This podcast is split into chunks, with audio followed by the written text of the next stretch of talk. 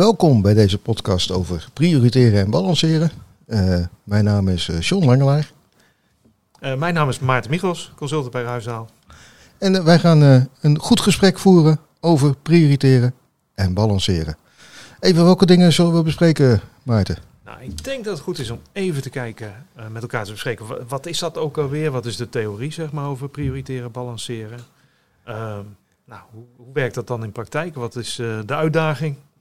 En uh, we gaan uh, volgens mij een gedachte-experiment doen, hè? Uh, we gaan een gedachte-experiment bespreken wat we hebben uitgevoerd. Hè? Dus we ja, kunnen zelfs ja. de resultaten ja. vertellen. We gaan op vakantie. We gaan op vakantie, ja. ja ben benieuwd waar we heen gaan. Ja, dat is altijd een verrassing.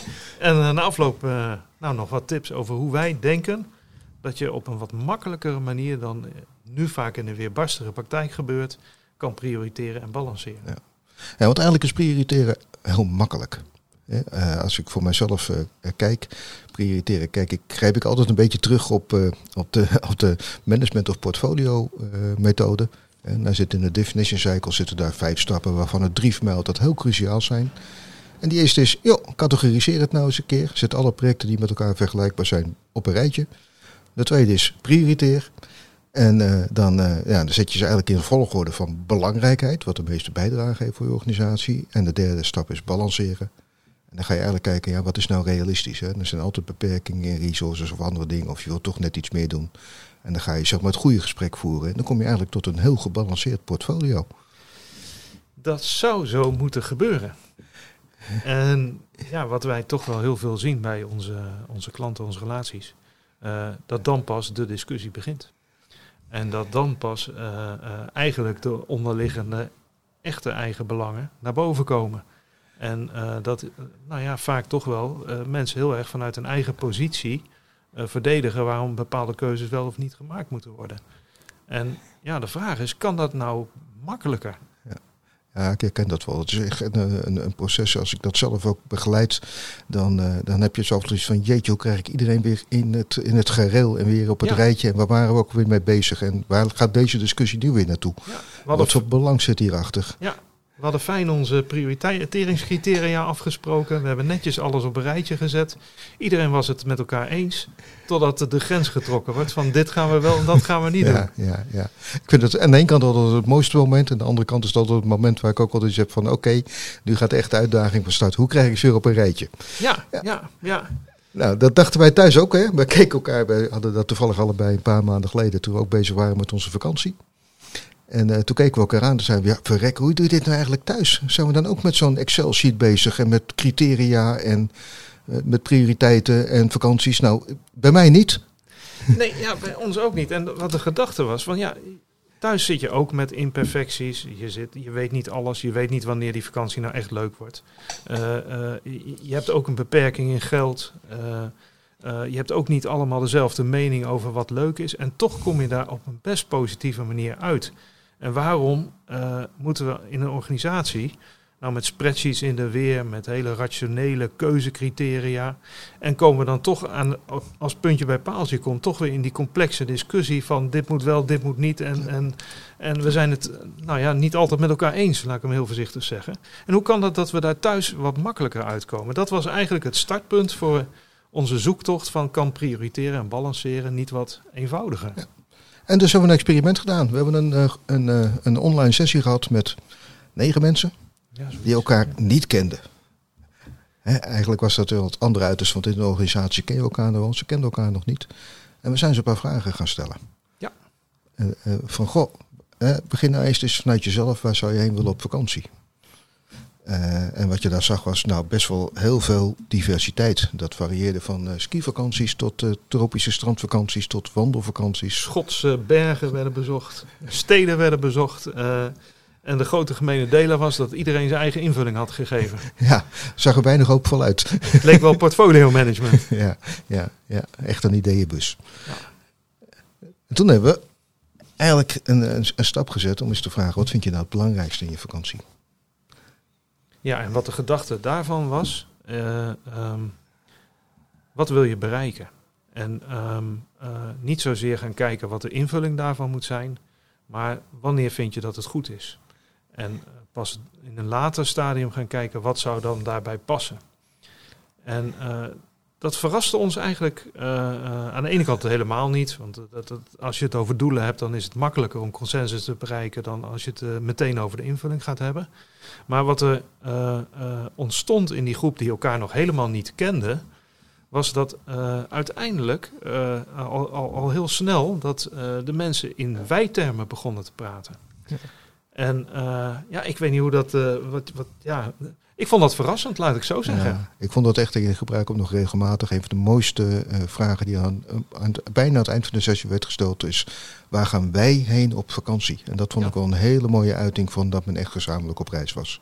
Waar wil jij naartoe? Begonnen we. En het eindigde met waar gaan wij heen? Met een groep mensen die elkaar van tevoren nog niet kenden. Um, ja, wat, uh, wat, uh, wat hebben we daar eigenlijk gedaan dan uh, om dat zo te bereiken, John? ja, ik denk dat we, we hebben een, een, een gemeenschappelijkheid, een gemeenschappelijke context gebouwd met z'n allen. We hebben niet gepraat over wat wil je, maar over met wat vinden wij belangrijk. Hè? En dat, het lastig is, hoe vertaal je dat nou naar organisaties? Hoe kan je dat concreet maken? Want het is toch wel een echt een andere context. En wij hebben daar eigenlijk samen met de mensen, volgens mij op twee gebieden, wat conclusies uitgetrokken die we wel uh, kunnen delen. Die gaat over, uh, goh, wat kan je nou in de structuur aanbrengen, waardoor het makkelijker maakt. En de andere, ja, dat heeft er ook wel een heel groot menselijk aspect. Een hele grote mindset waar we wat tips op hebben. Ja,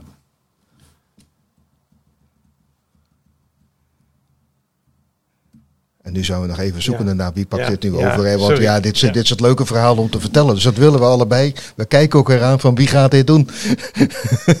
maar, zal, zal, ik proberen een voorzet uh, te, te, geven? Wat, wat we uh, in het begin vroegen met die vakantie, waar ga je naartoe? Daar gaan we meteen uh, in portfolio-termen vragen welke initiatieven moeten we starten.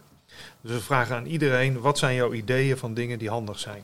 Nou, in praktijk zien we dat uh, daar, nooit een schaarste aan is. Er zijn zat ideeën en ze zijn allemaal goed. Alleen wat zijn nou de betere ideeën en wat zorgt ervoor dat je uh, ergens naartoe gaat waar je naartoe wil? Dat is het probleem. En uh, wat, wat, zien we in praktijk? Dat, dat op basis van die ideeën en keuzecriteria wordt er een soort ranking gemaakt, wordt er ergens een streep getrokken. En nou, een groot deel van die ideeën die iedereen heel proactief heeft opgehaald, die worden niet uitgevoerd. Dus we organiseren een beetje onze eigen teleurstelling. En dan gaan we kijken van nou, wat we gaan uitvoeren, in hoeverre halen we onze doelen nog. Nou, een deel van die hele goede ideeën, die zijn wel goed, maar die dekken je doelen niet af. Dus uh, je gaat ook in het bereiken van je doelstellingen, je strategische doelstellingen, ga je uh, suboptimaliseren door deze aanpak. Dus dan krijg je nog een keer een set teleurstellingen. En wat we hebben door, door mensen te vragen van wat wil je bereiken en op basis daarvan als vertrekpunt je portfolio te gaan samenstellen. Dus hoe gaan we die vakantie invullen?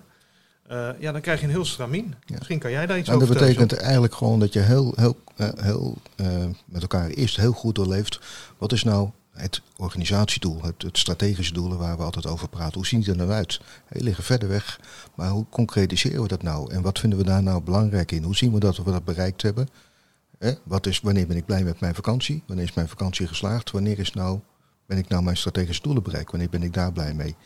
Wat voor keuzes maak ik daar dan in? Dat doe je met je vakantie ook. Welk vervoermiddel neem ik? Gaan we vliegen? Gaan we ver weg? Gaan we dichterbij? Je gaat daar een aantal keuzes in maken. En daarmee kom je eigenlijk tot wat wij een roadmap noemen. Dat je zegt, nou de komende jaren zien wij dat we op die weg met deze keuzes naar, de, naar onze strategische doelen gaan. En juist door die keuzes te maken van, hé, hey, we gaan met de auto of we gaan met het vliegtuig of we gaan lopend, we gaan ver weg, we gaan dichtbij. Ga je ook heel gericht op zoek naar bestemmingen die daarbij horen. In, lees in een organisatiewereld de projecten die horen bij het bereiken van je strategische doelen op de manier die je voor ogen hebt. Dus dat creëren van dat gemeenschappelijke beeld, nou ja, dat, dat, dat helpt gewoon ontzettend om een, eh, een, een kortere set van, eh, van, eh, van projecten bij elkaar te krijgen. Nou, dan heb je al je eerste probleem van prioritering opgelost. Je hebt minder projecten te prioriteren.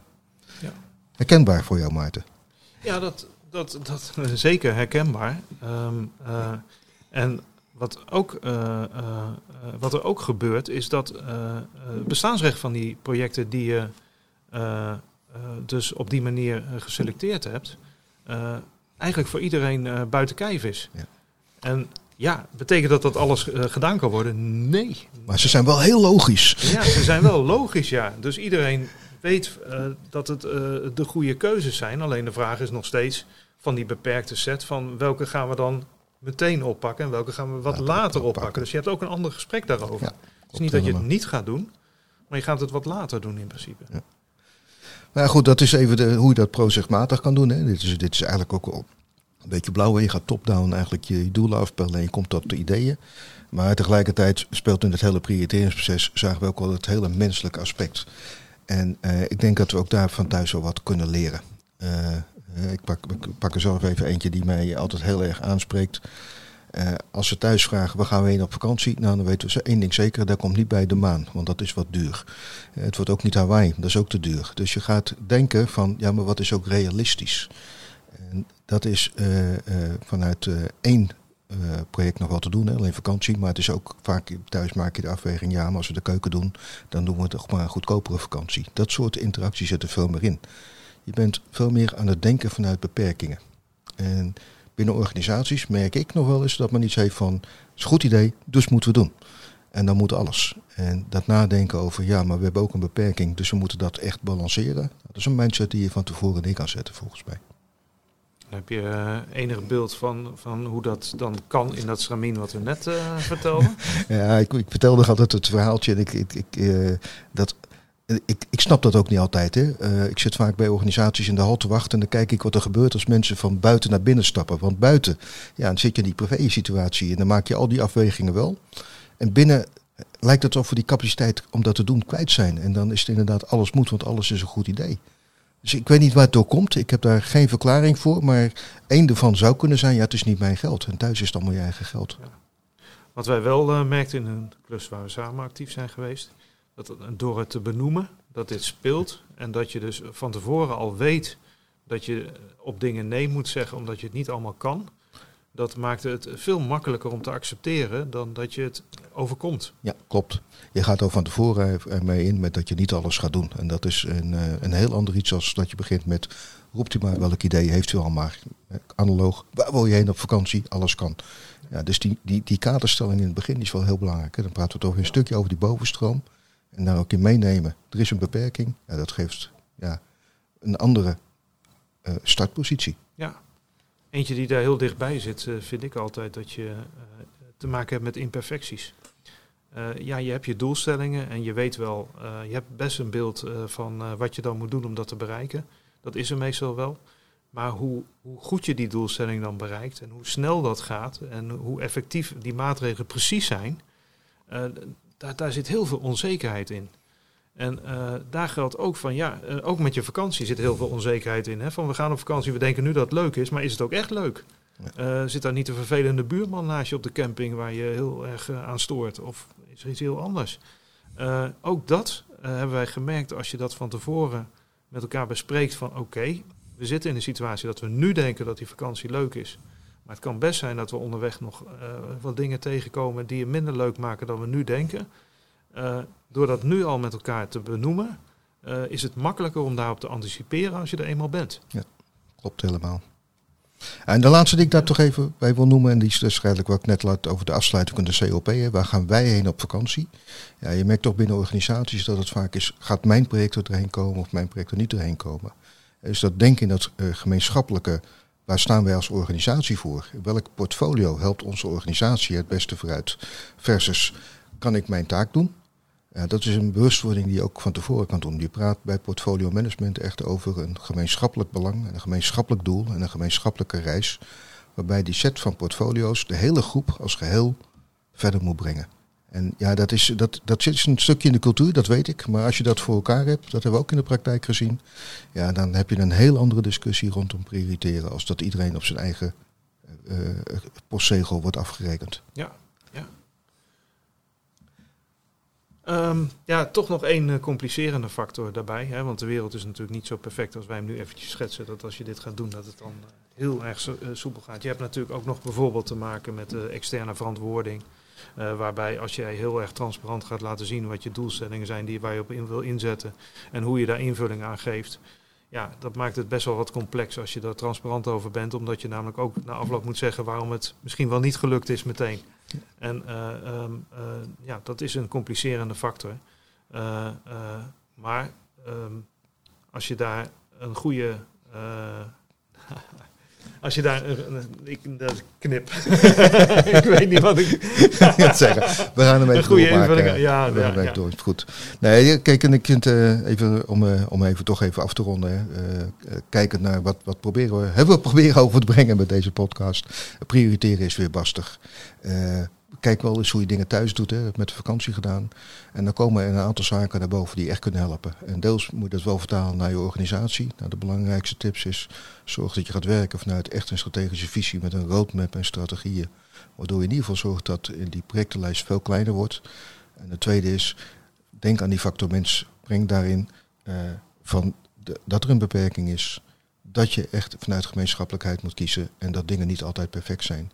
Als je dat doet, dan krijg je in ieder geval een heel andere discussie waarbij meer een wij-gevoel ontstaat. En wij gaan prioriteren en wij een mooi portfolio samen gaan stellen. Nou, ik vond dit leuk om zo even te delen met iedereen. Maarten? Ja, ik vond het ook leuk om uh, te bespreken. Uh, ja, ik hoop dat iedereen uh, ook iets aan heeft. Ehm, ja, ik hoop weer een keer jullie wat te mogen delen in de volgende podcast. Ja. Mochten jullie meer willen weten over prioriteren, mag je ons natuurlijk altijd bellen. Daar staan we altijd voor open. Uh, en, uh, of bezoek een van onze community of practices. Kijk op onze website onder ontwikkeling. Daar staan uh, de, de, de, bijeenkomsten die we de komende maanden organiseren. En in ieder geval op dit moment bedankt voor het luisteren. En tot de volgende keer.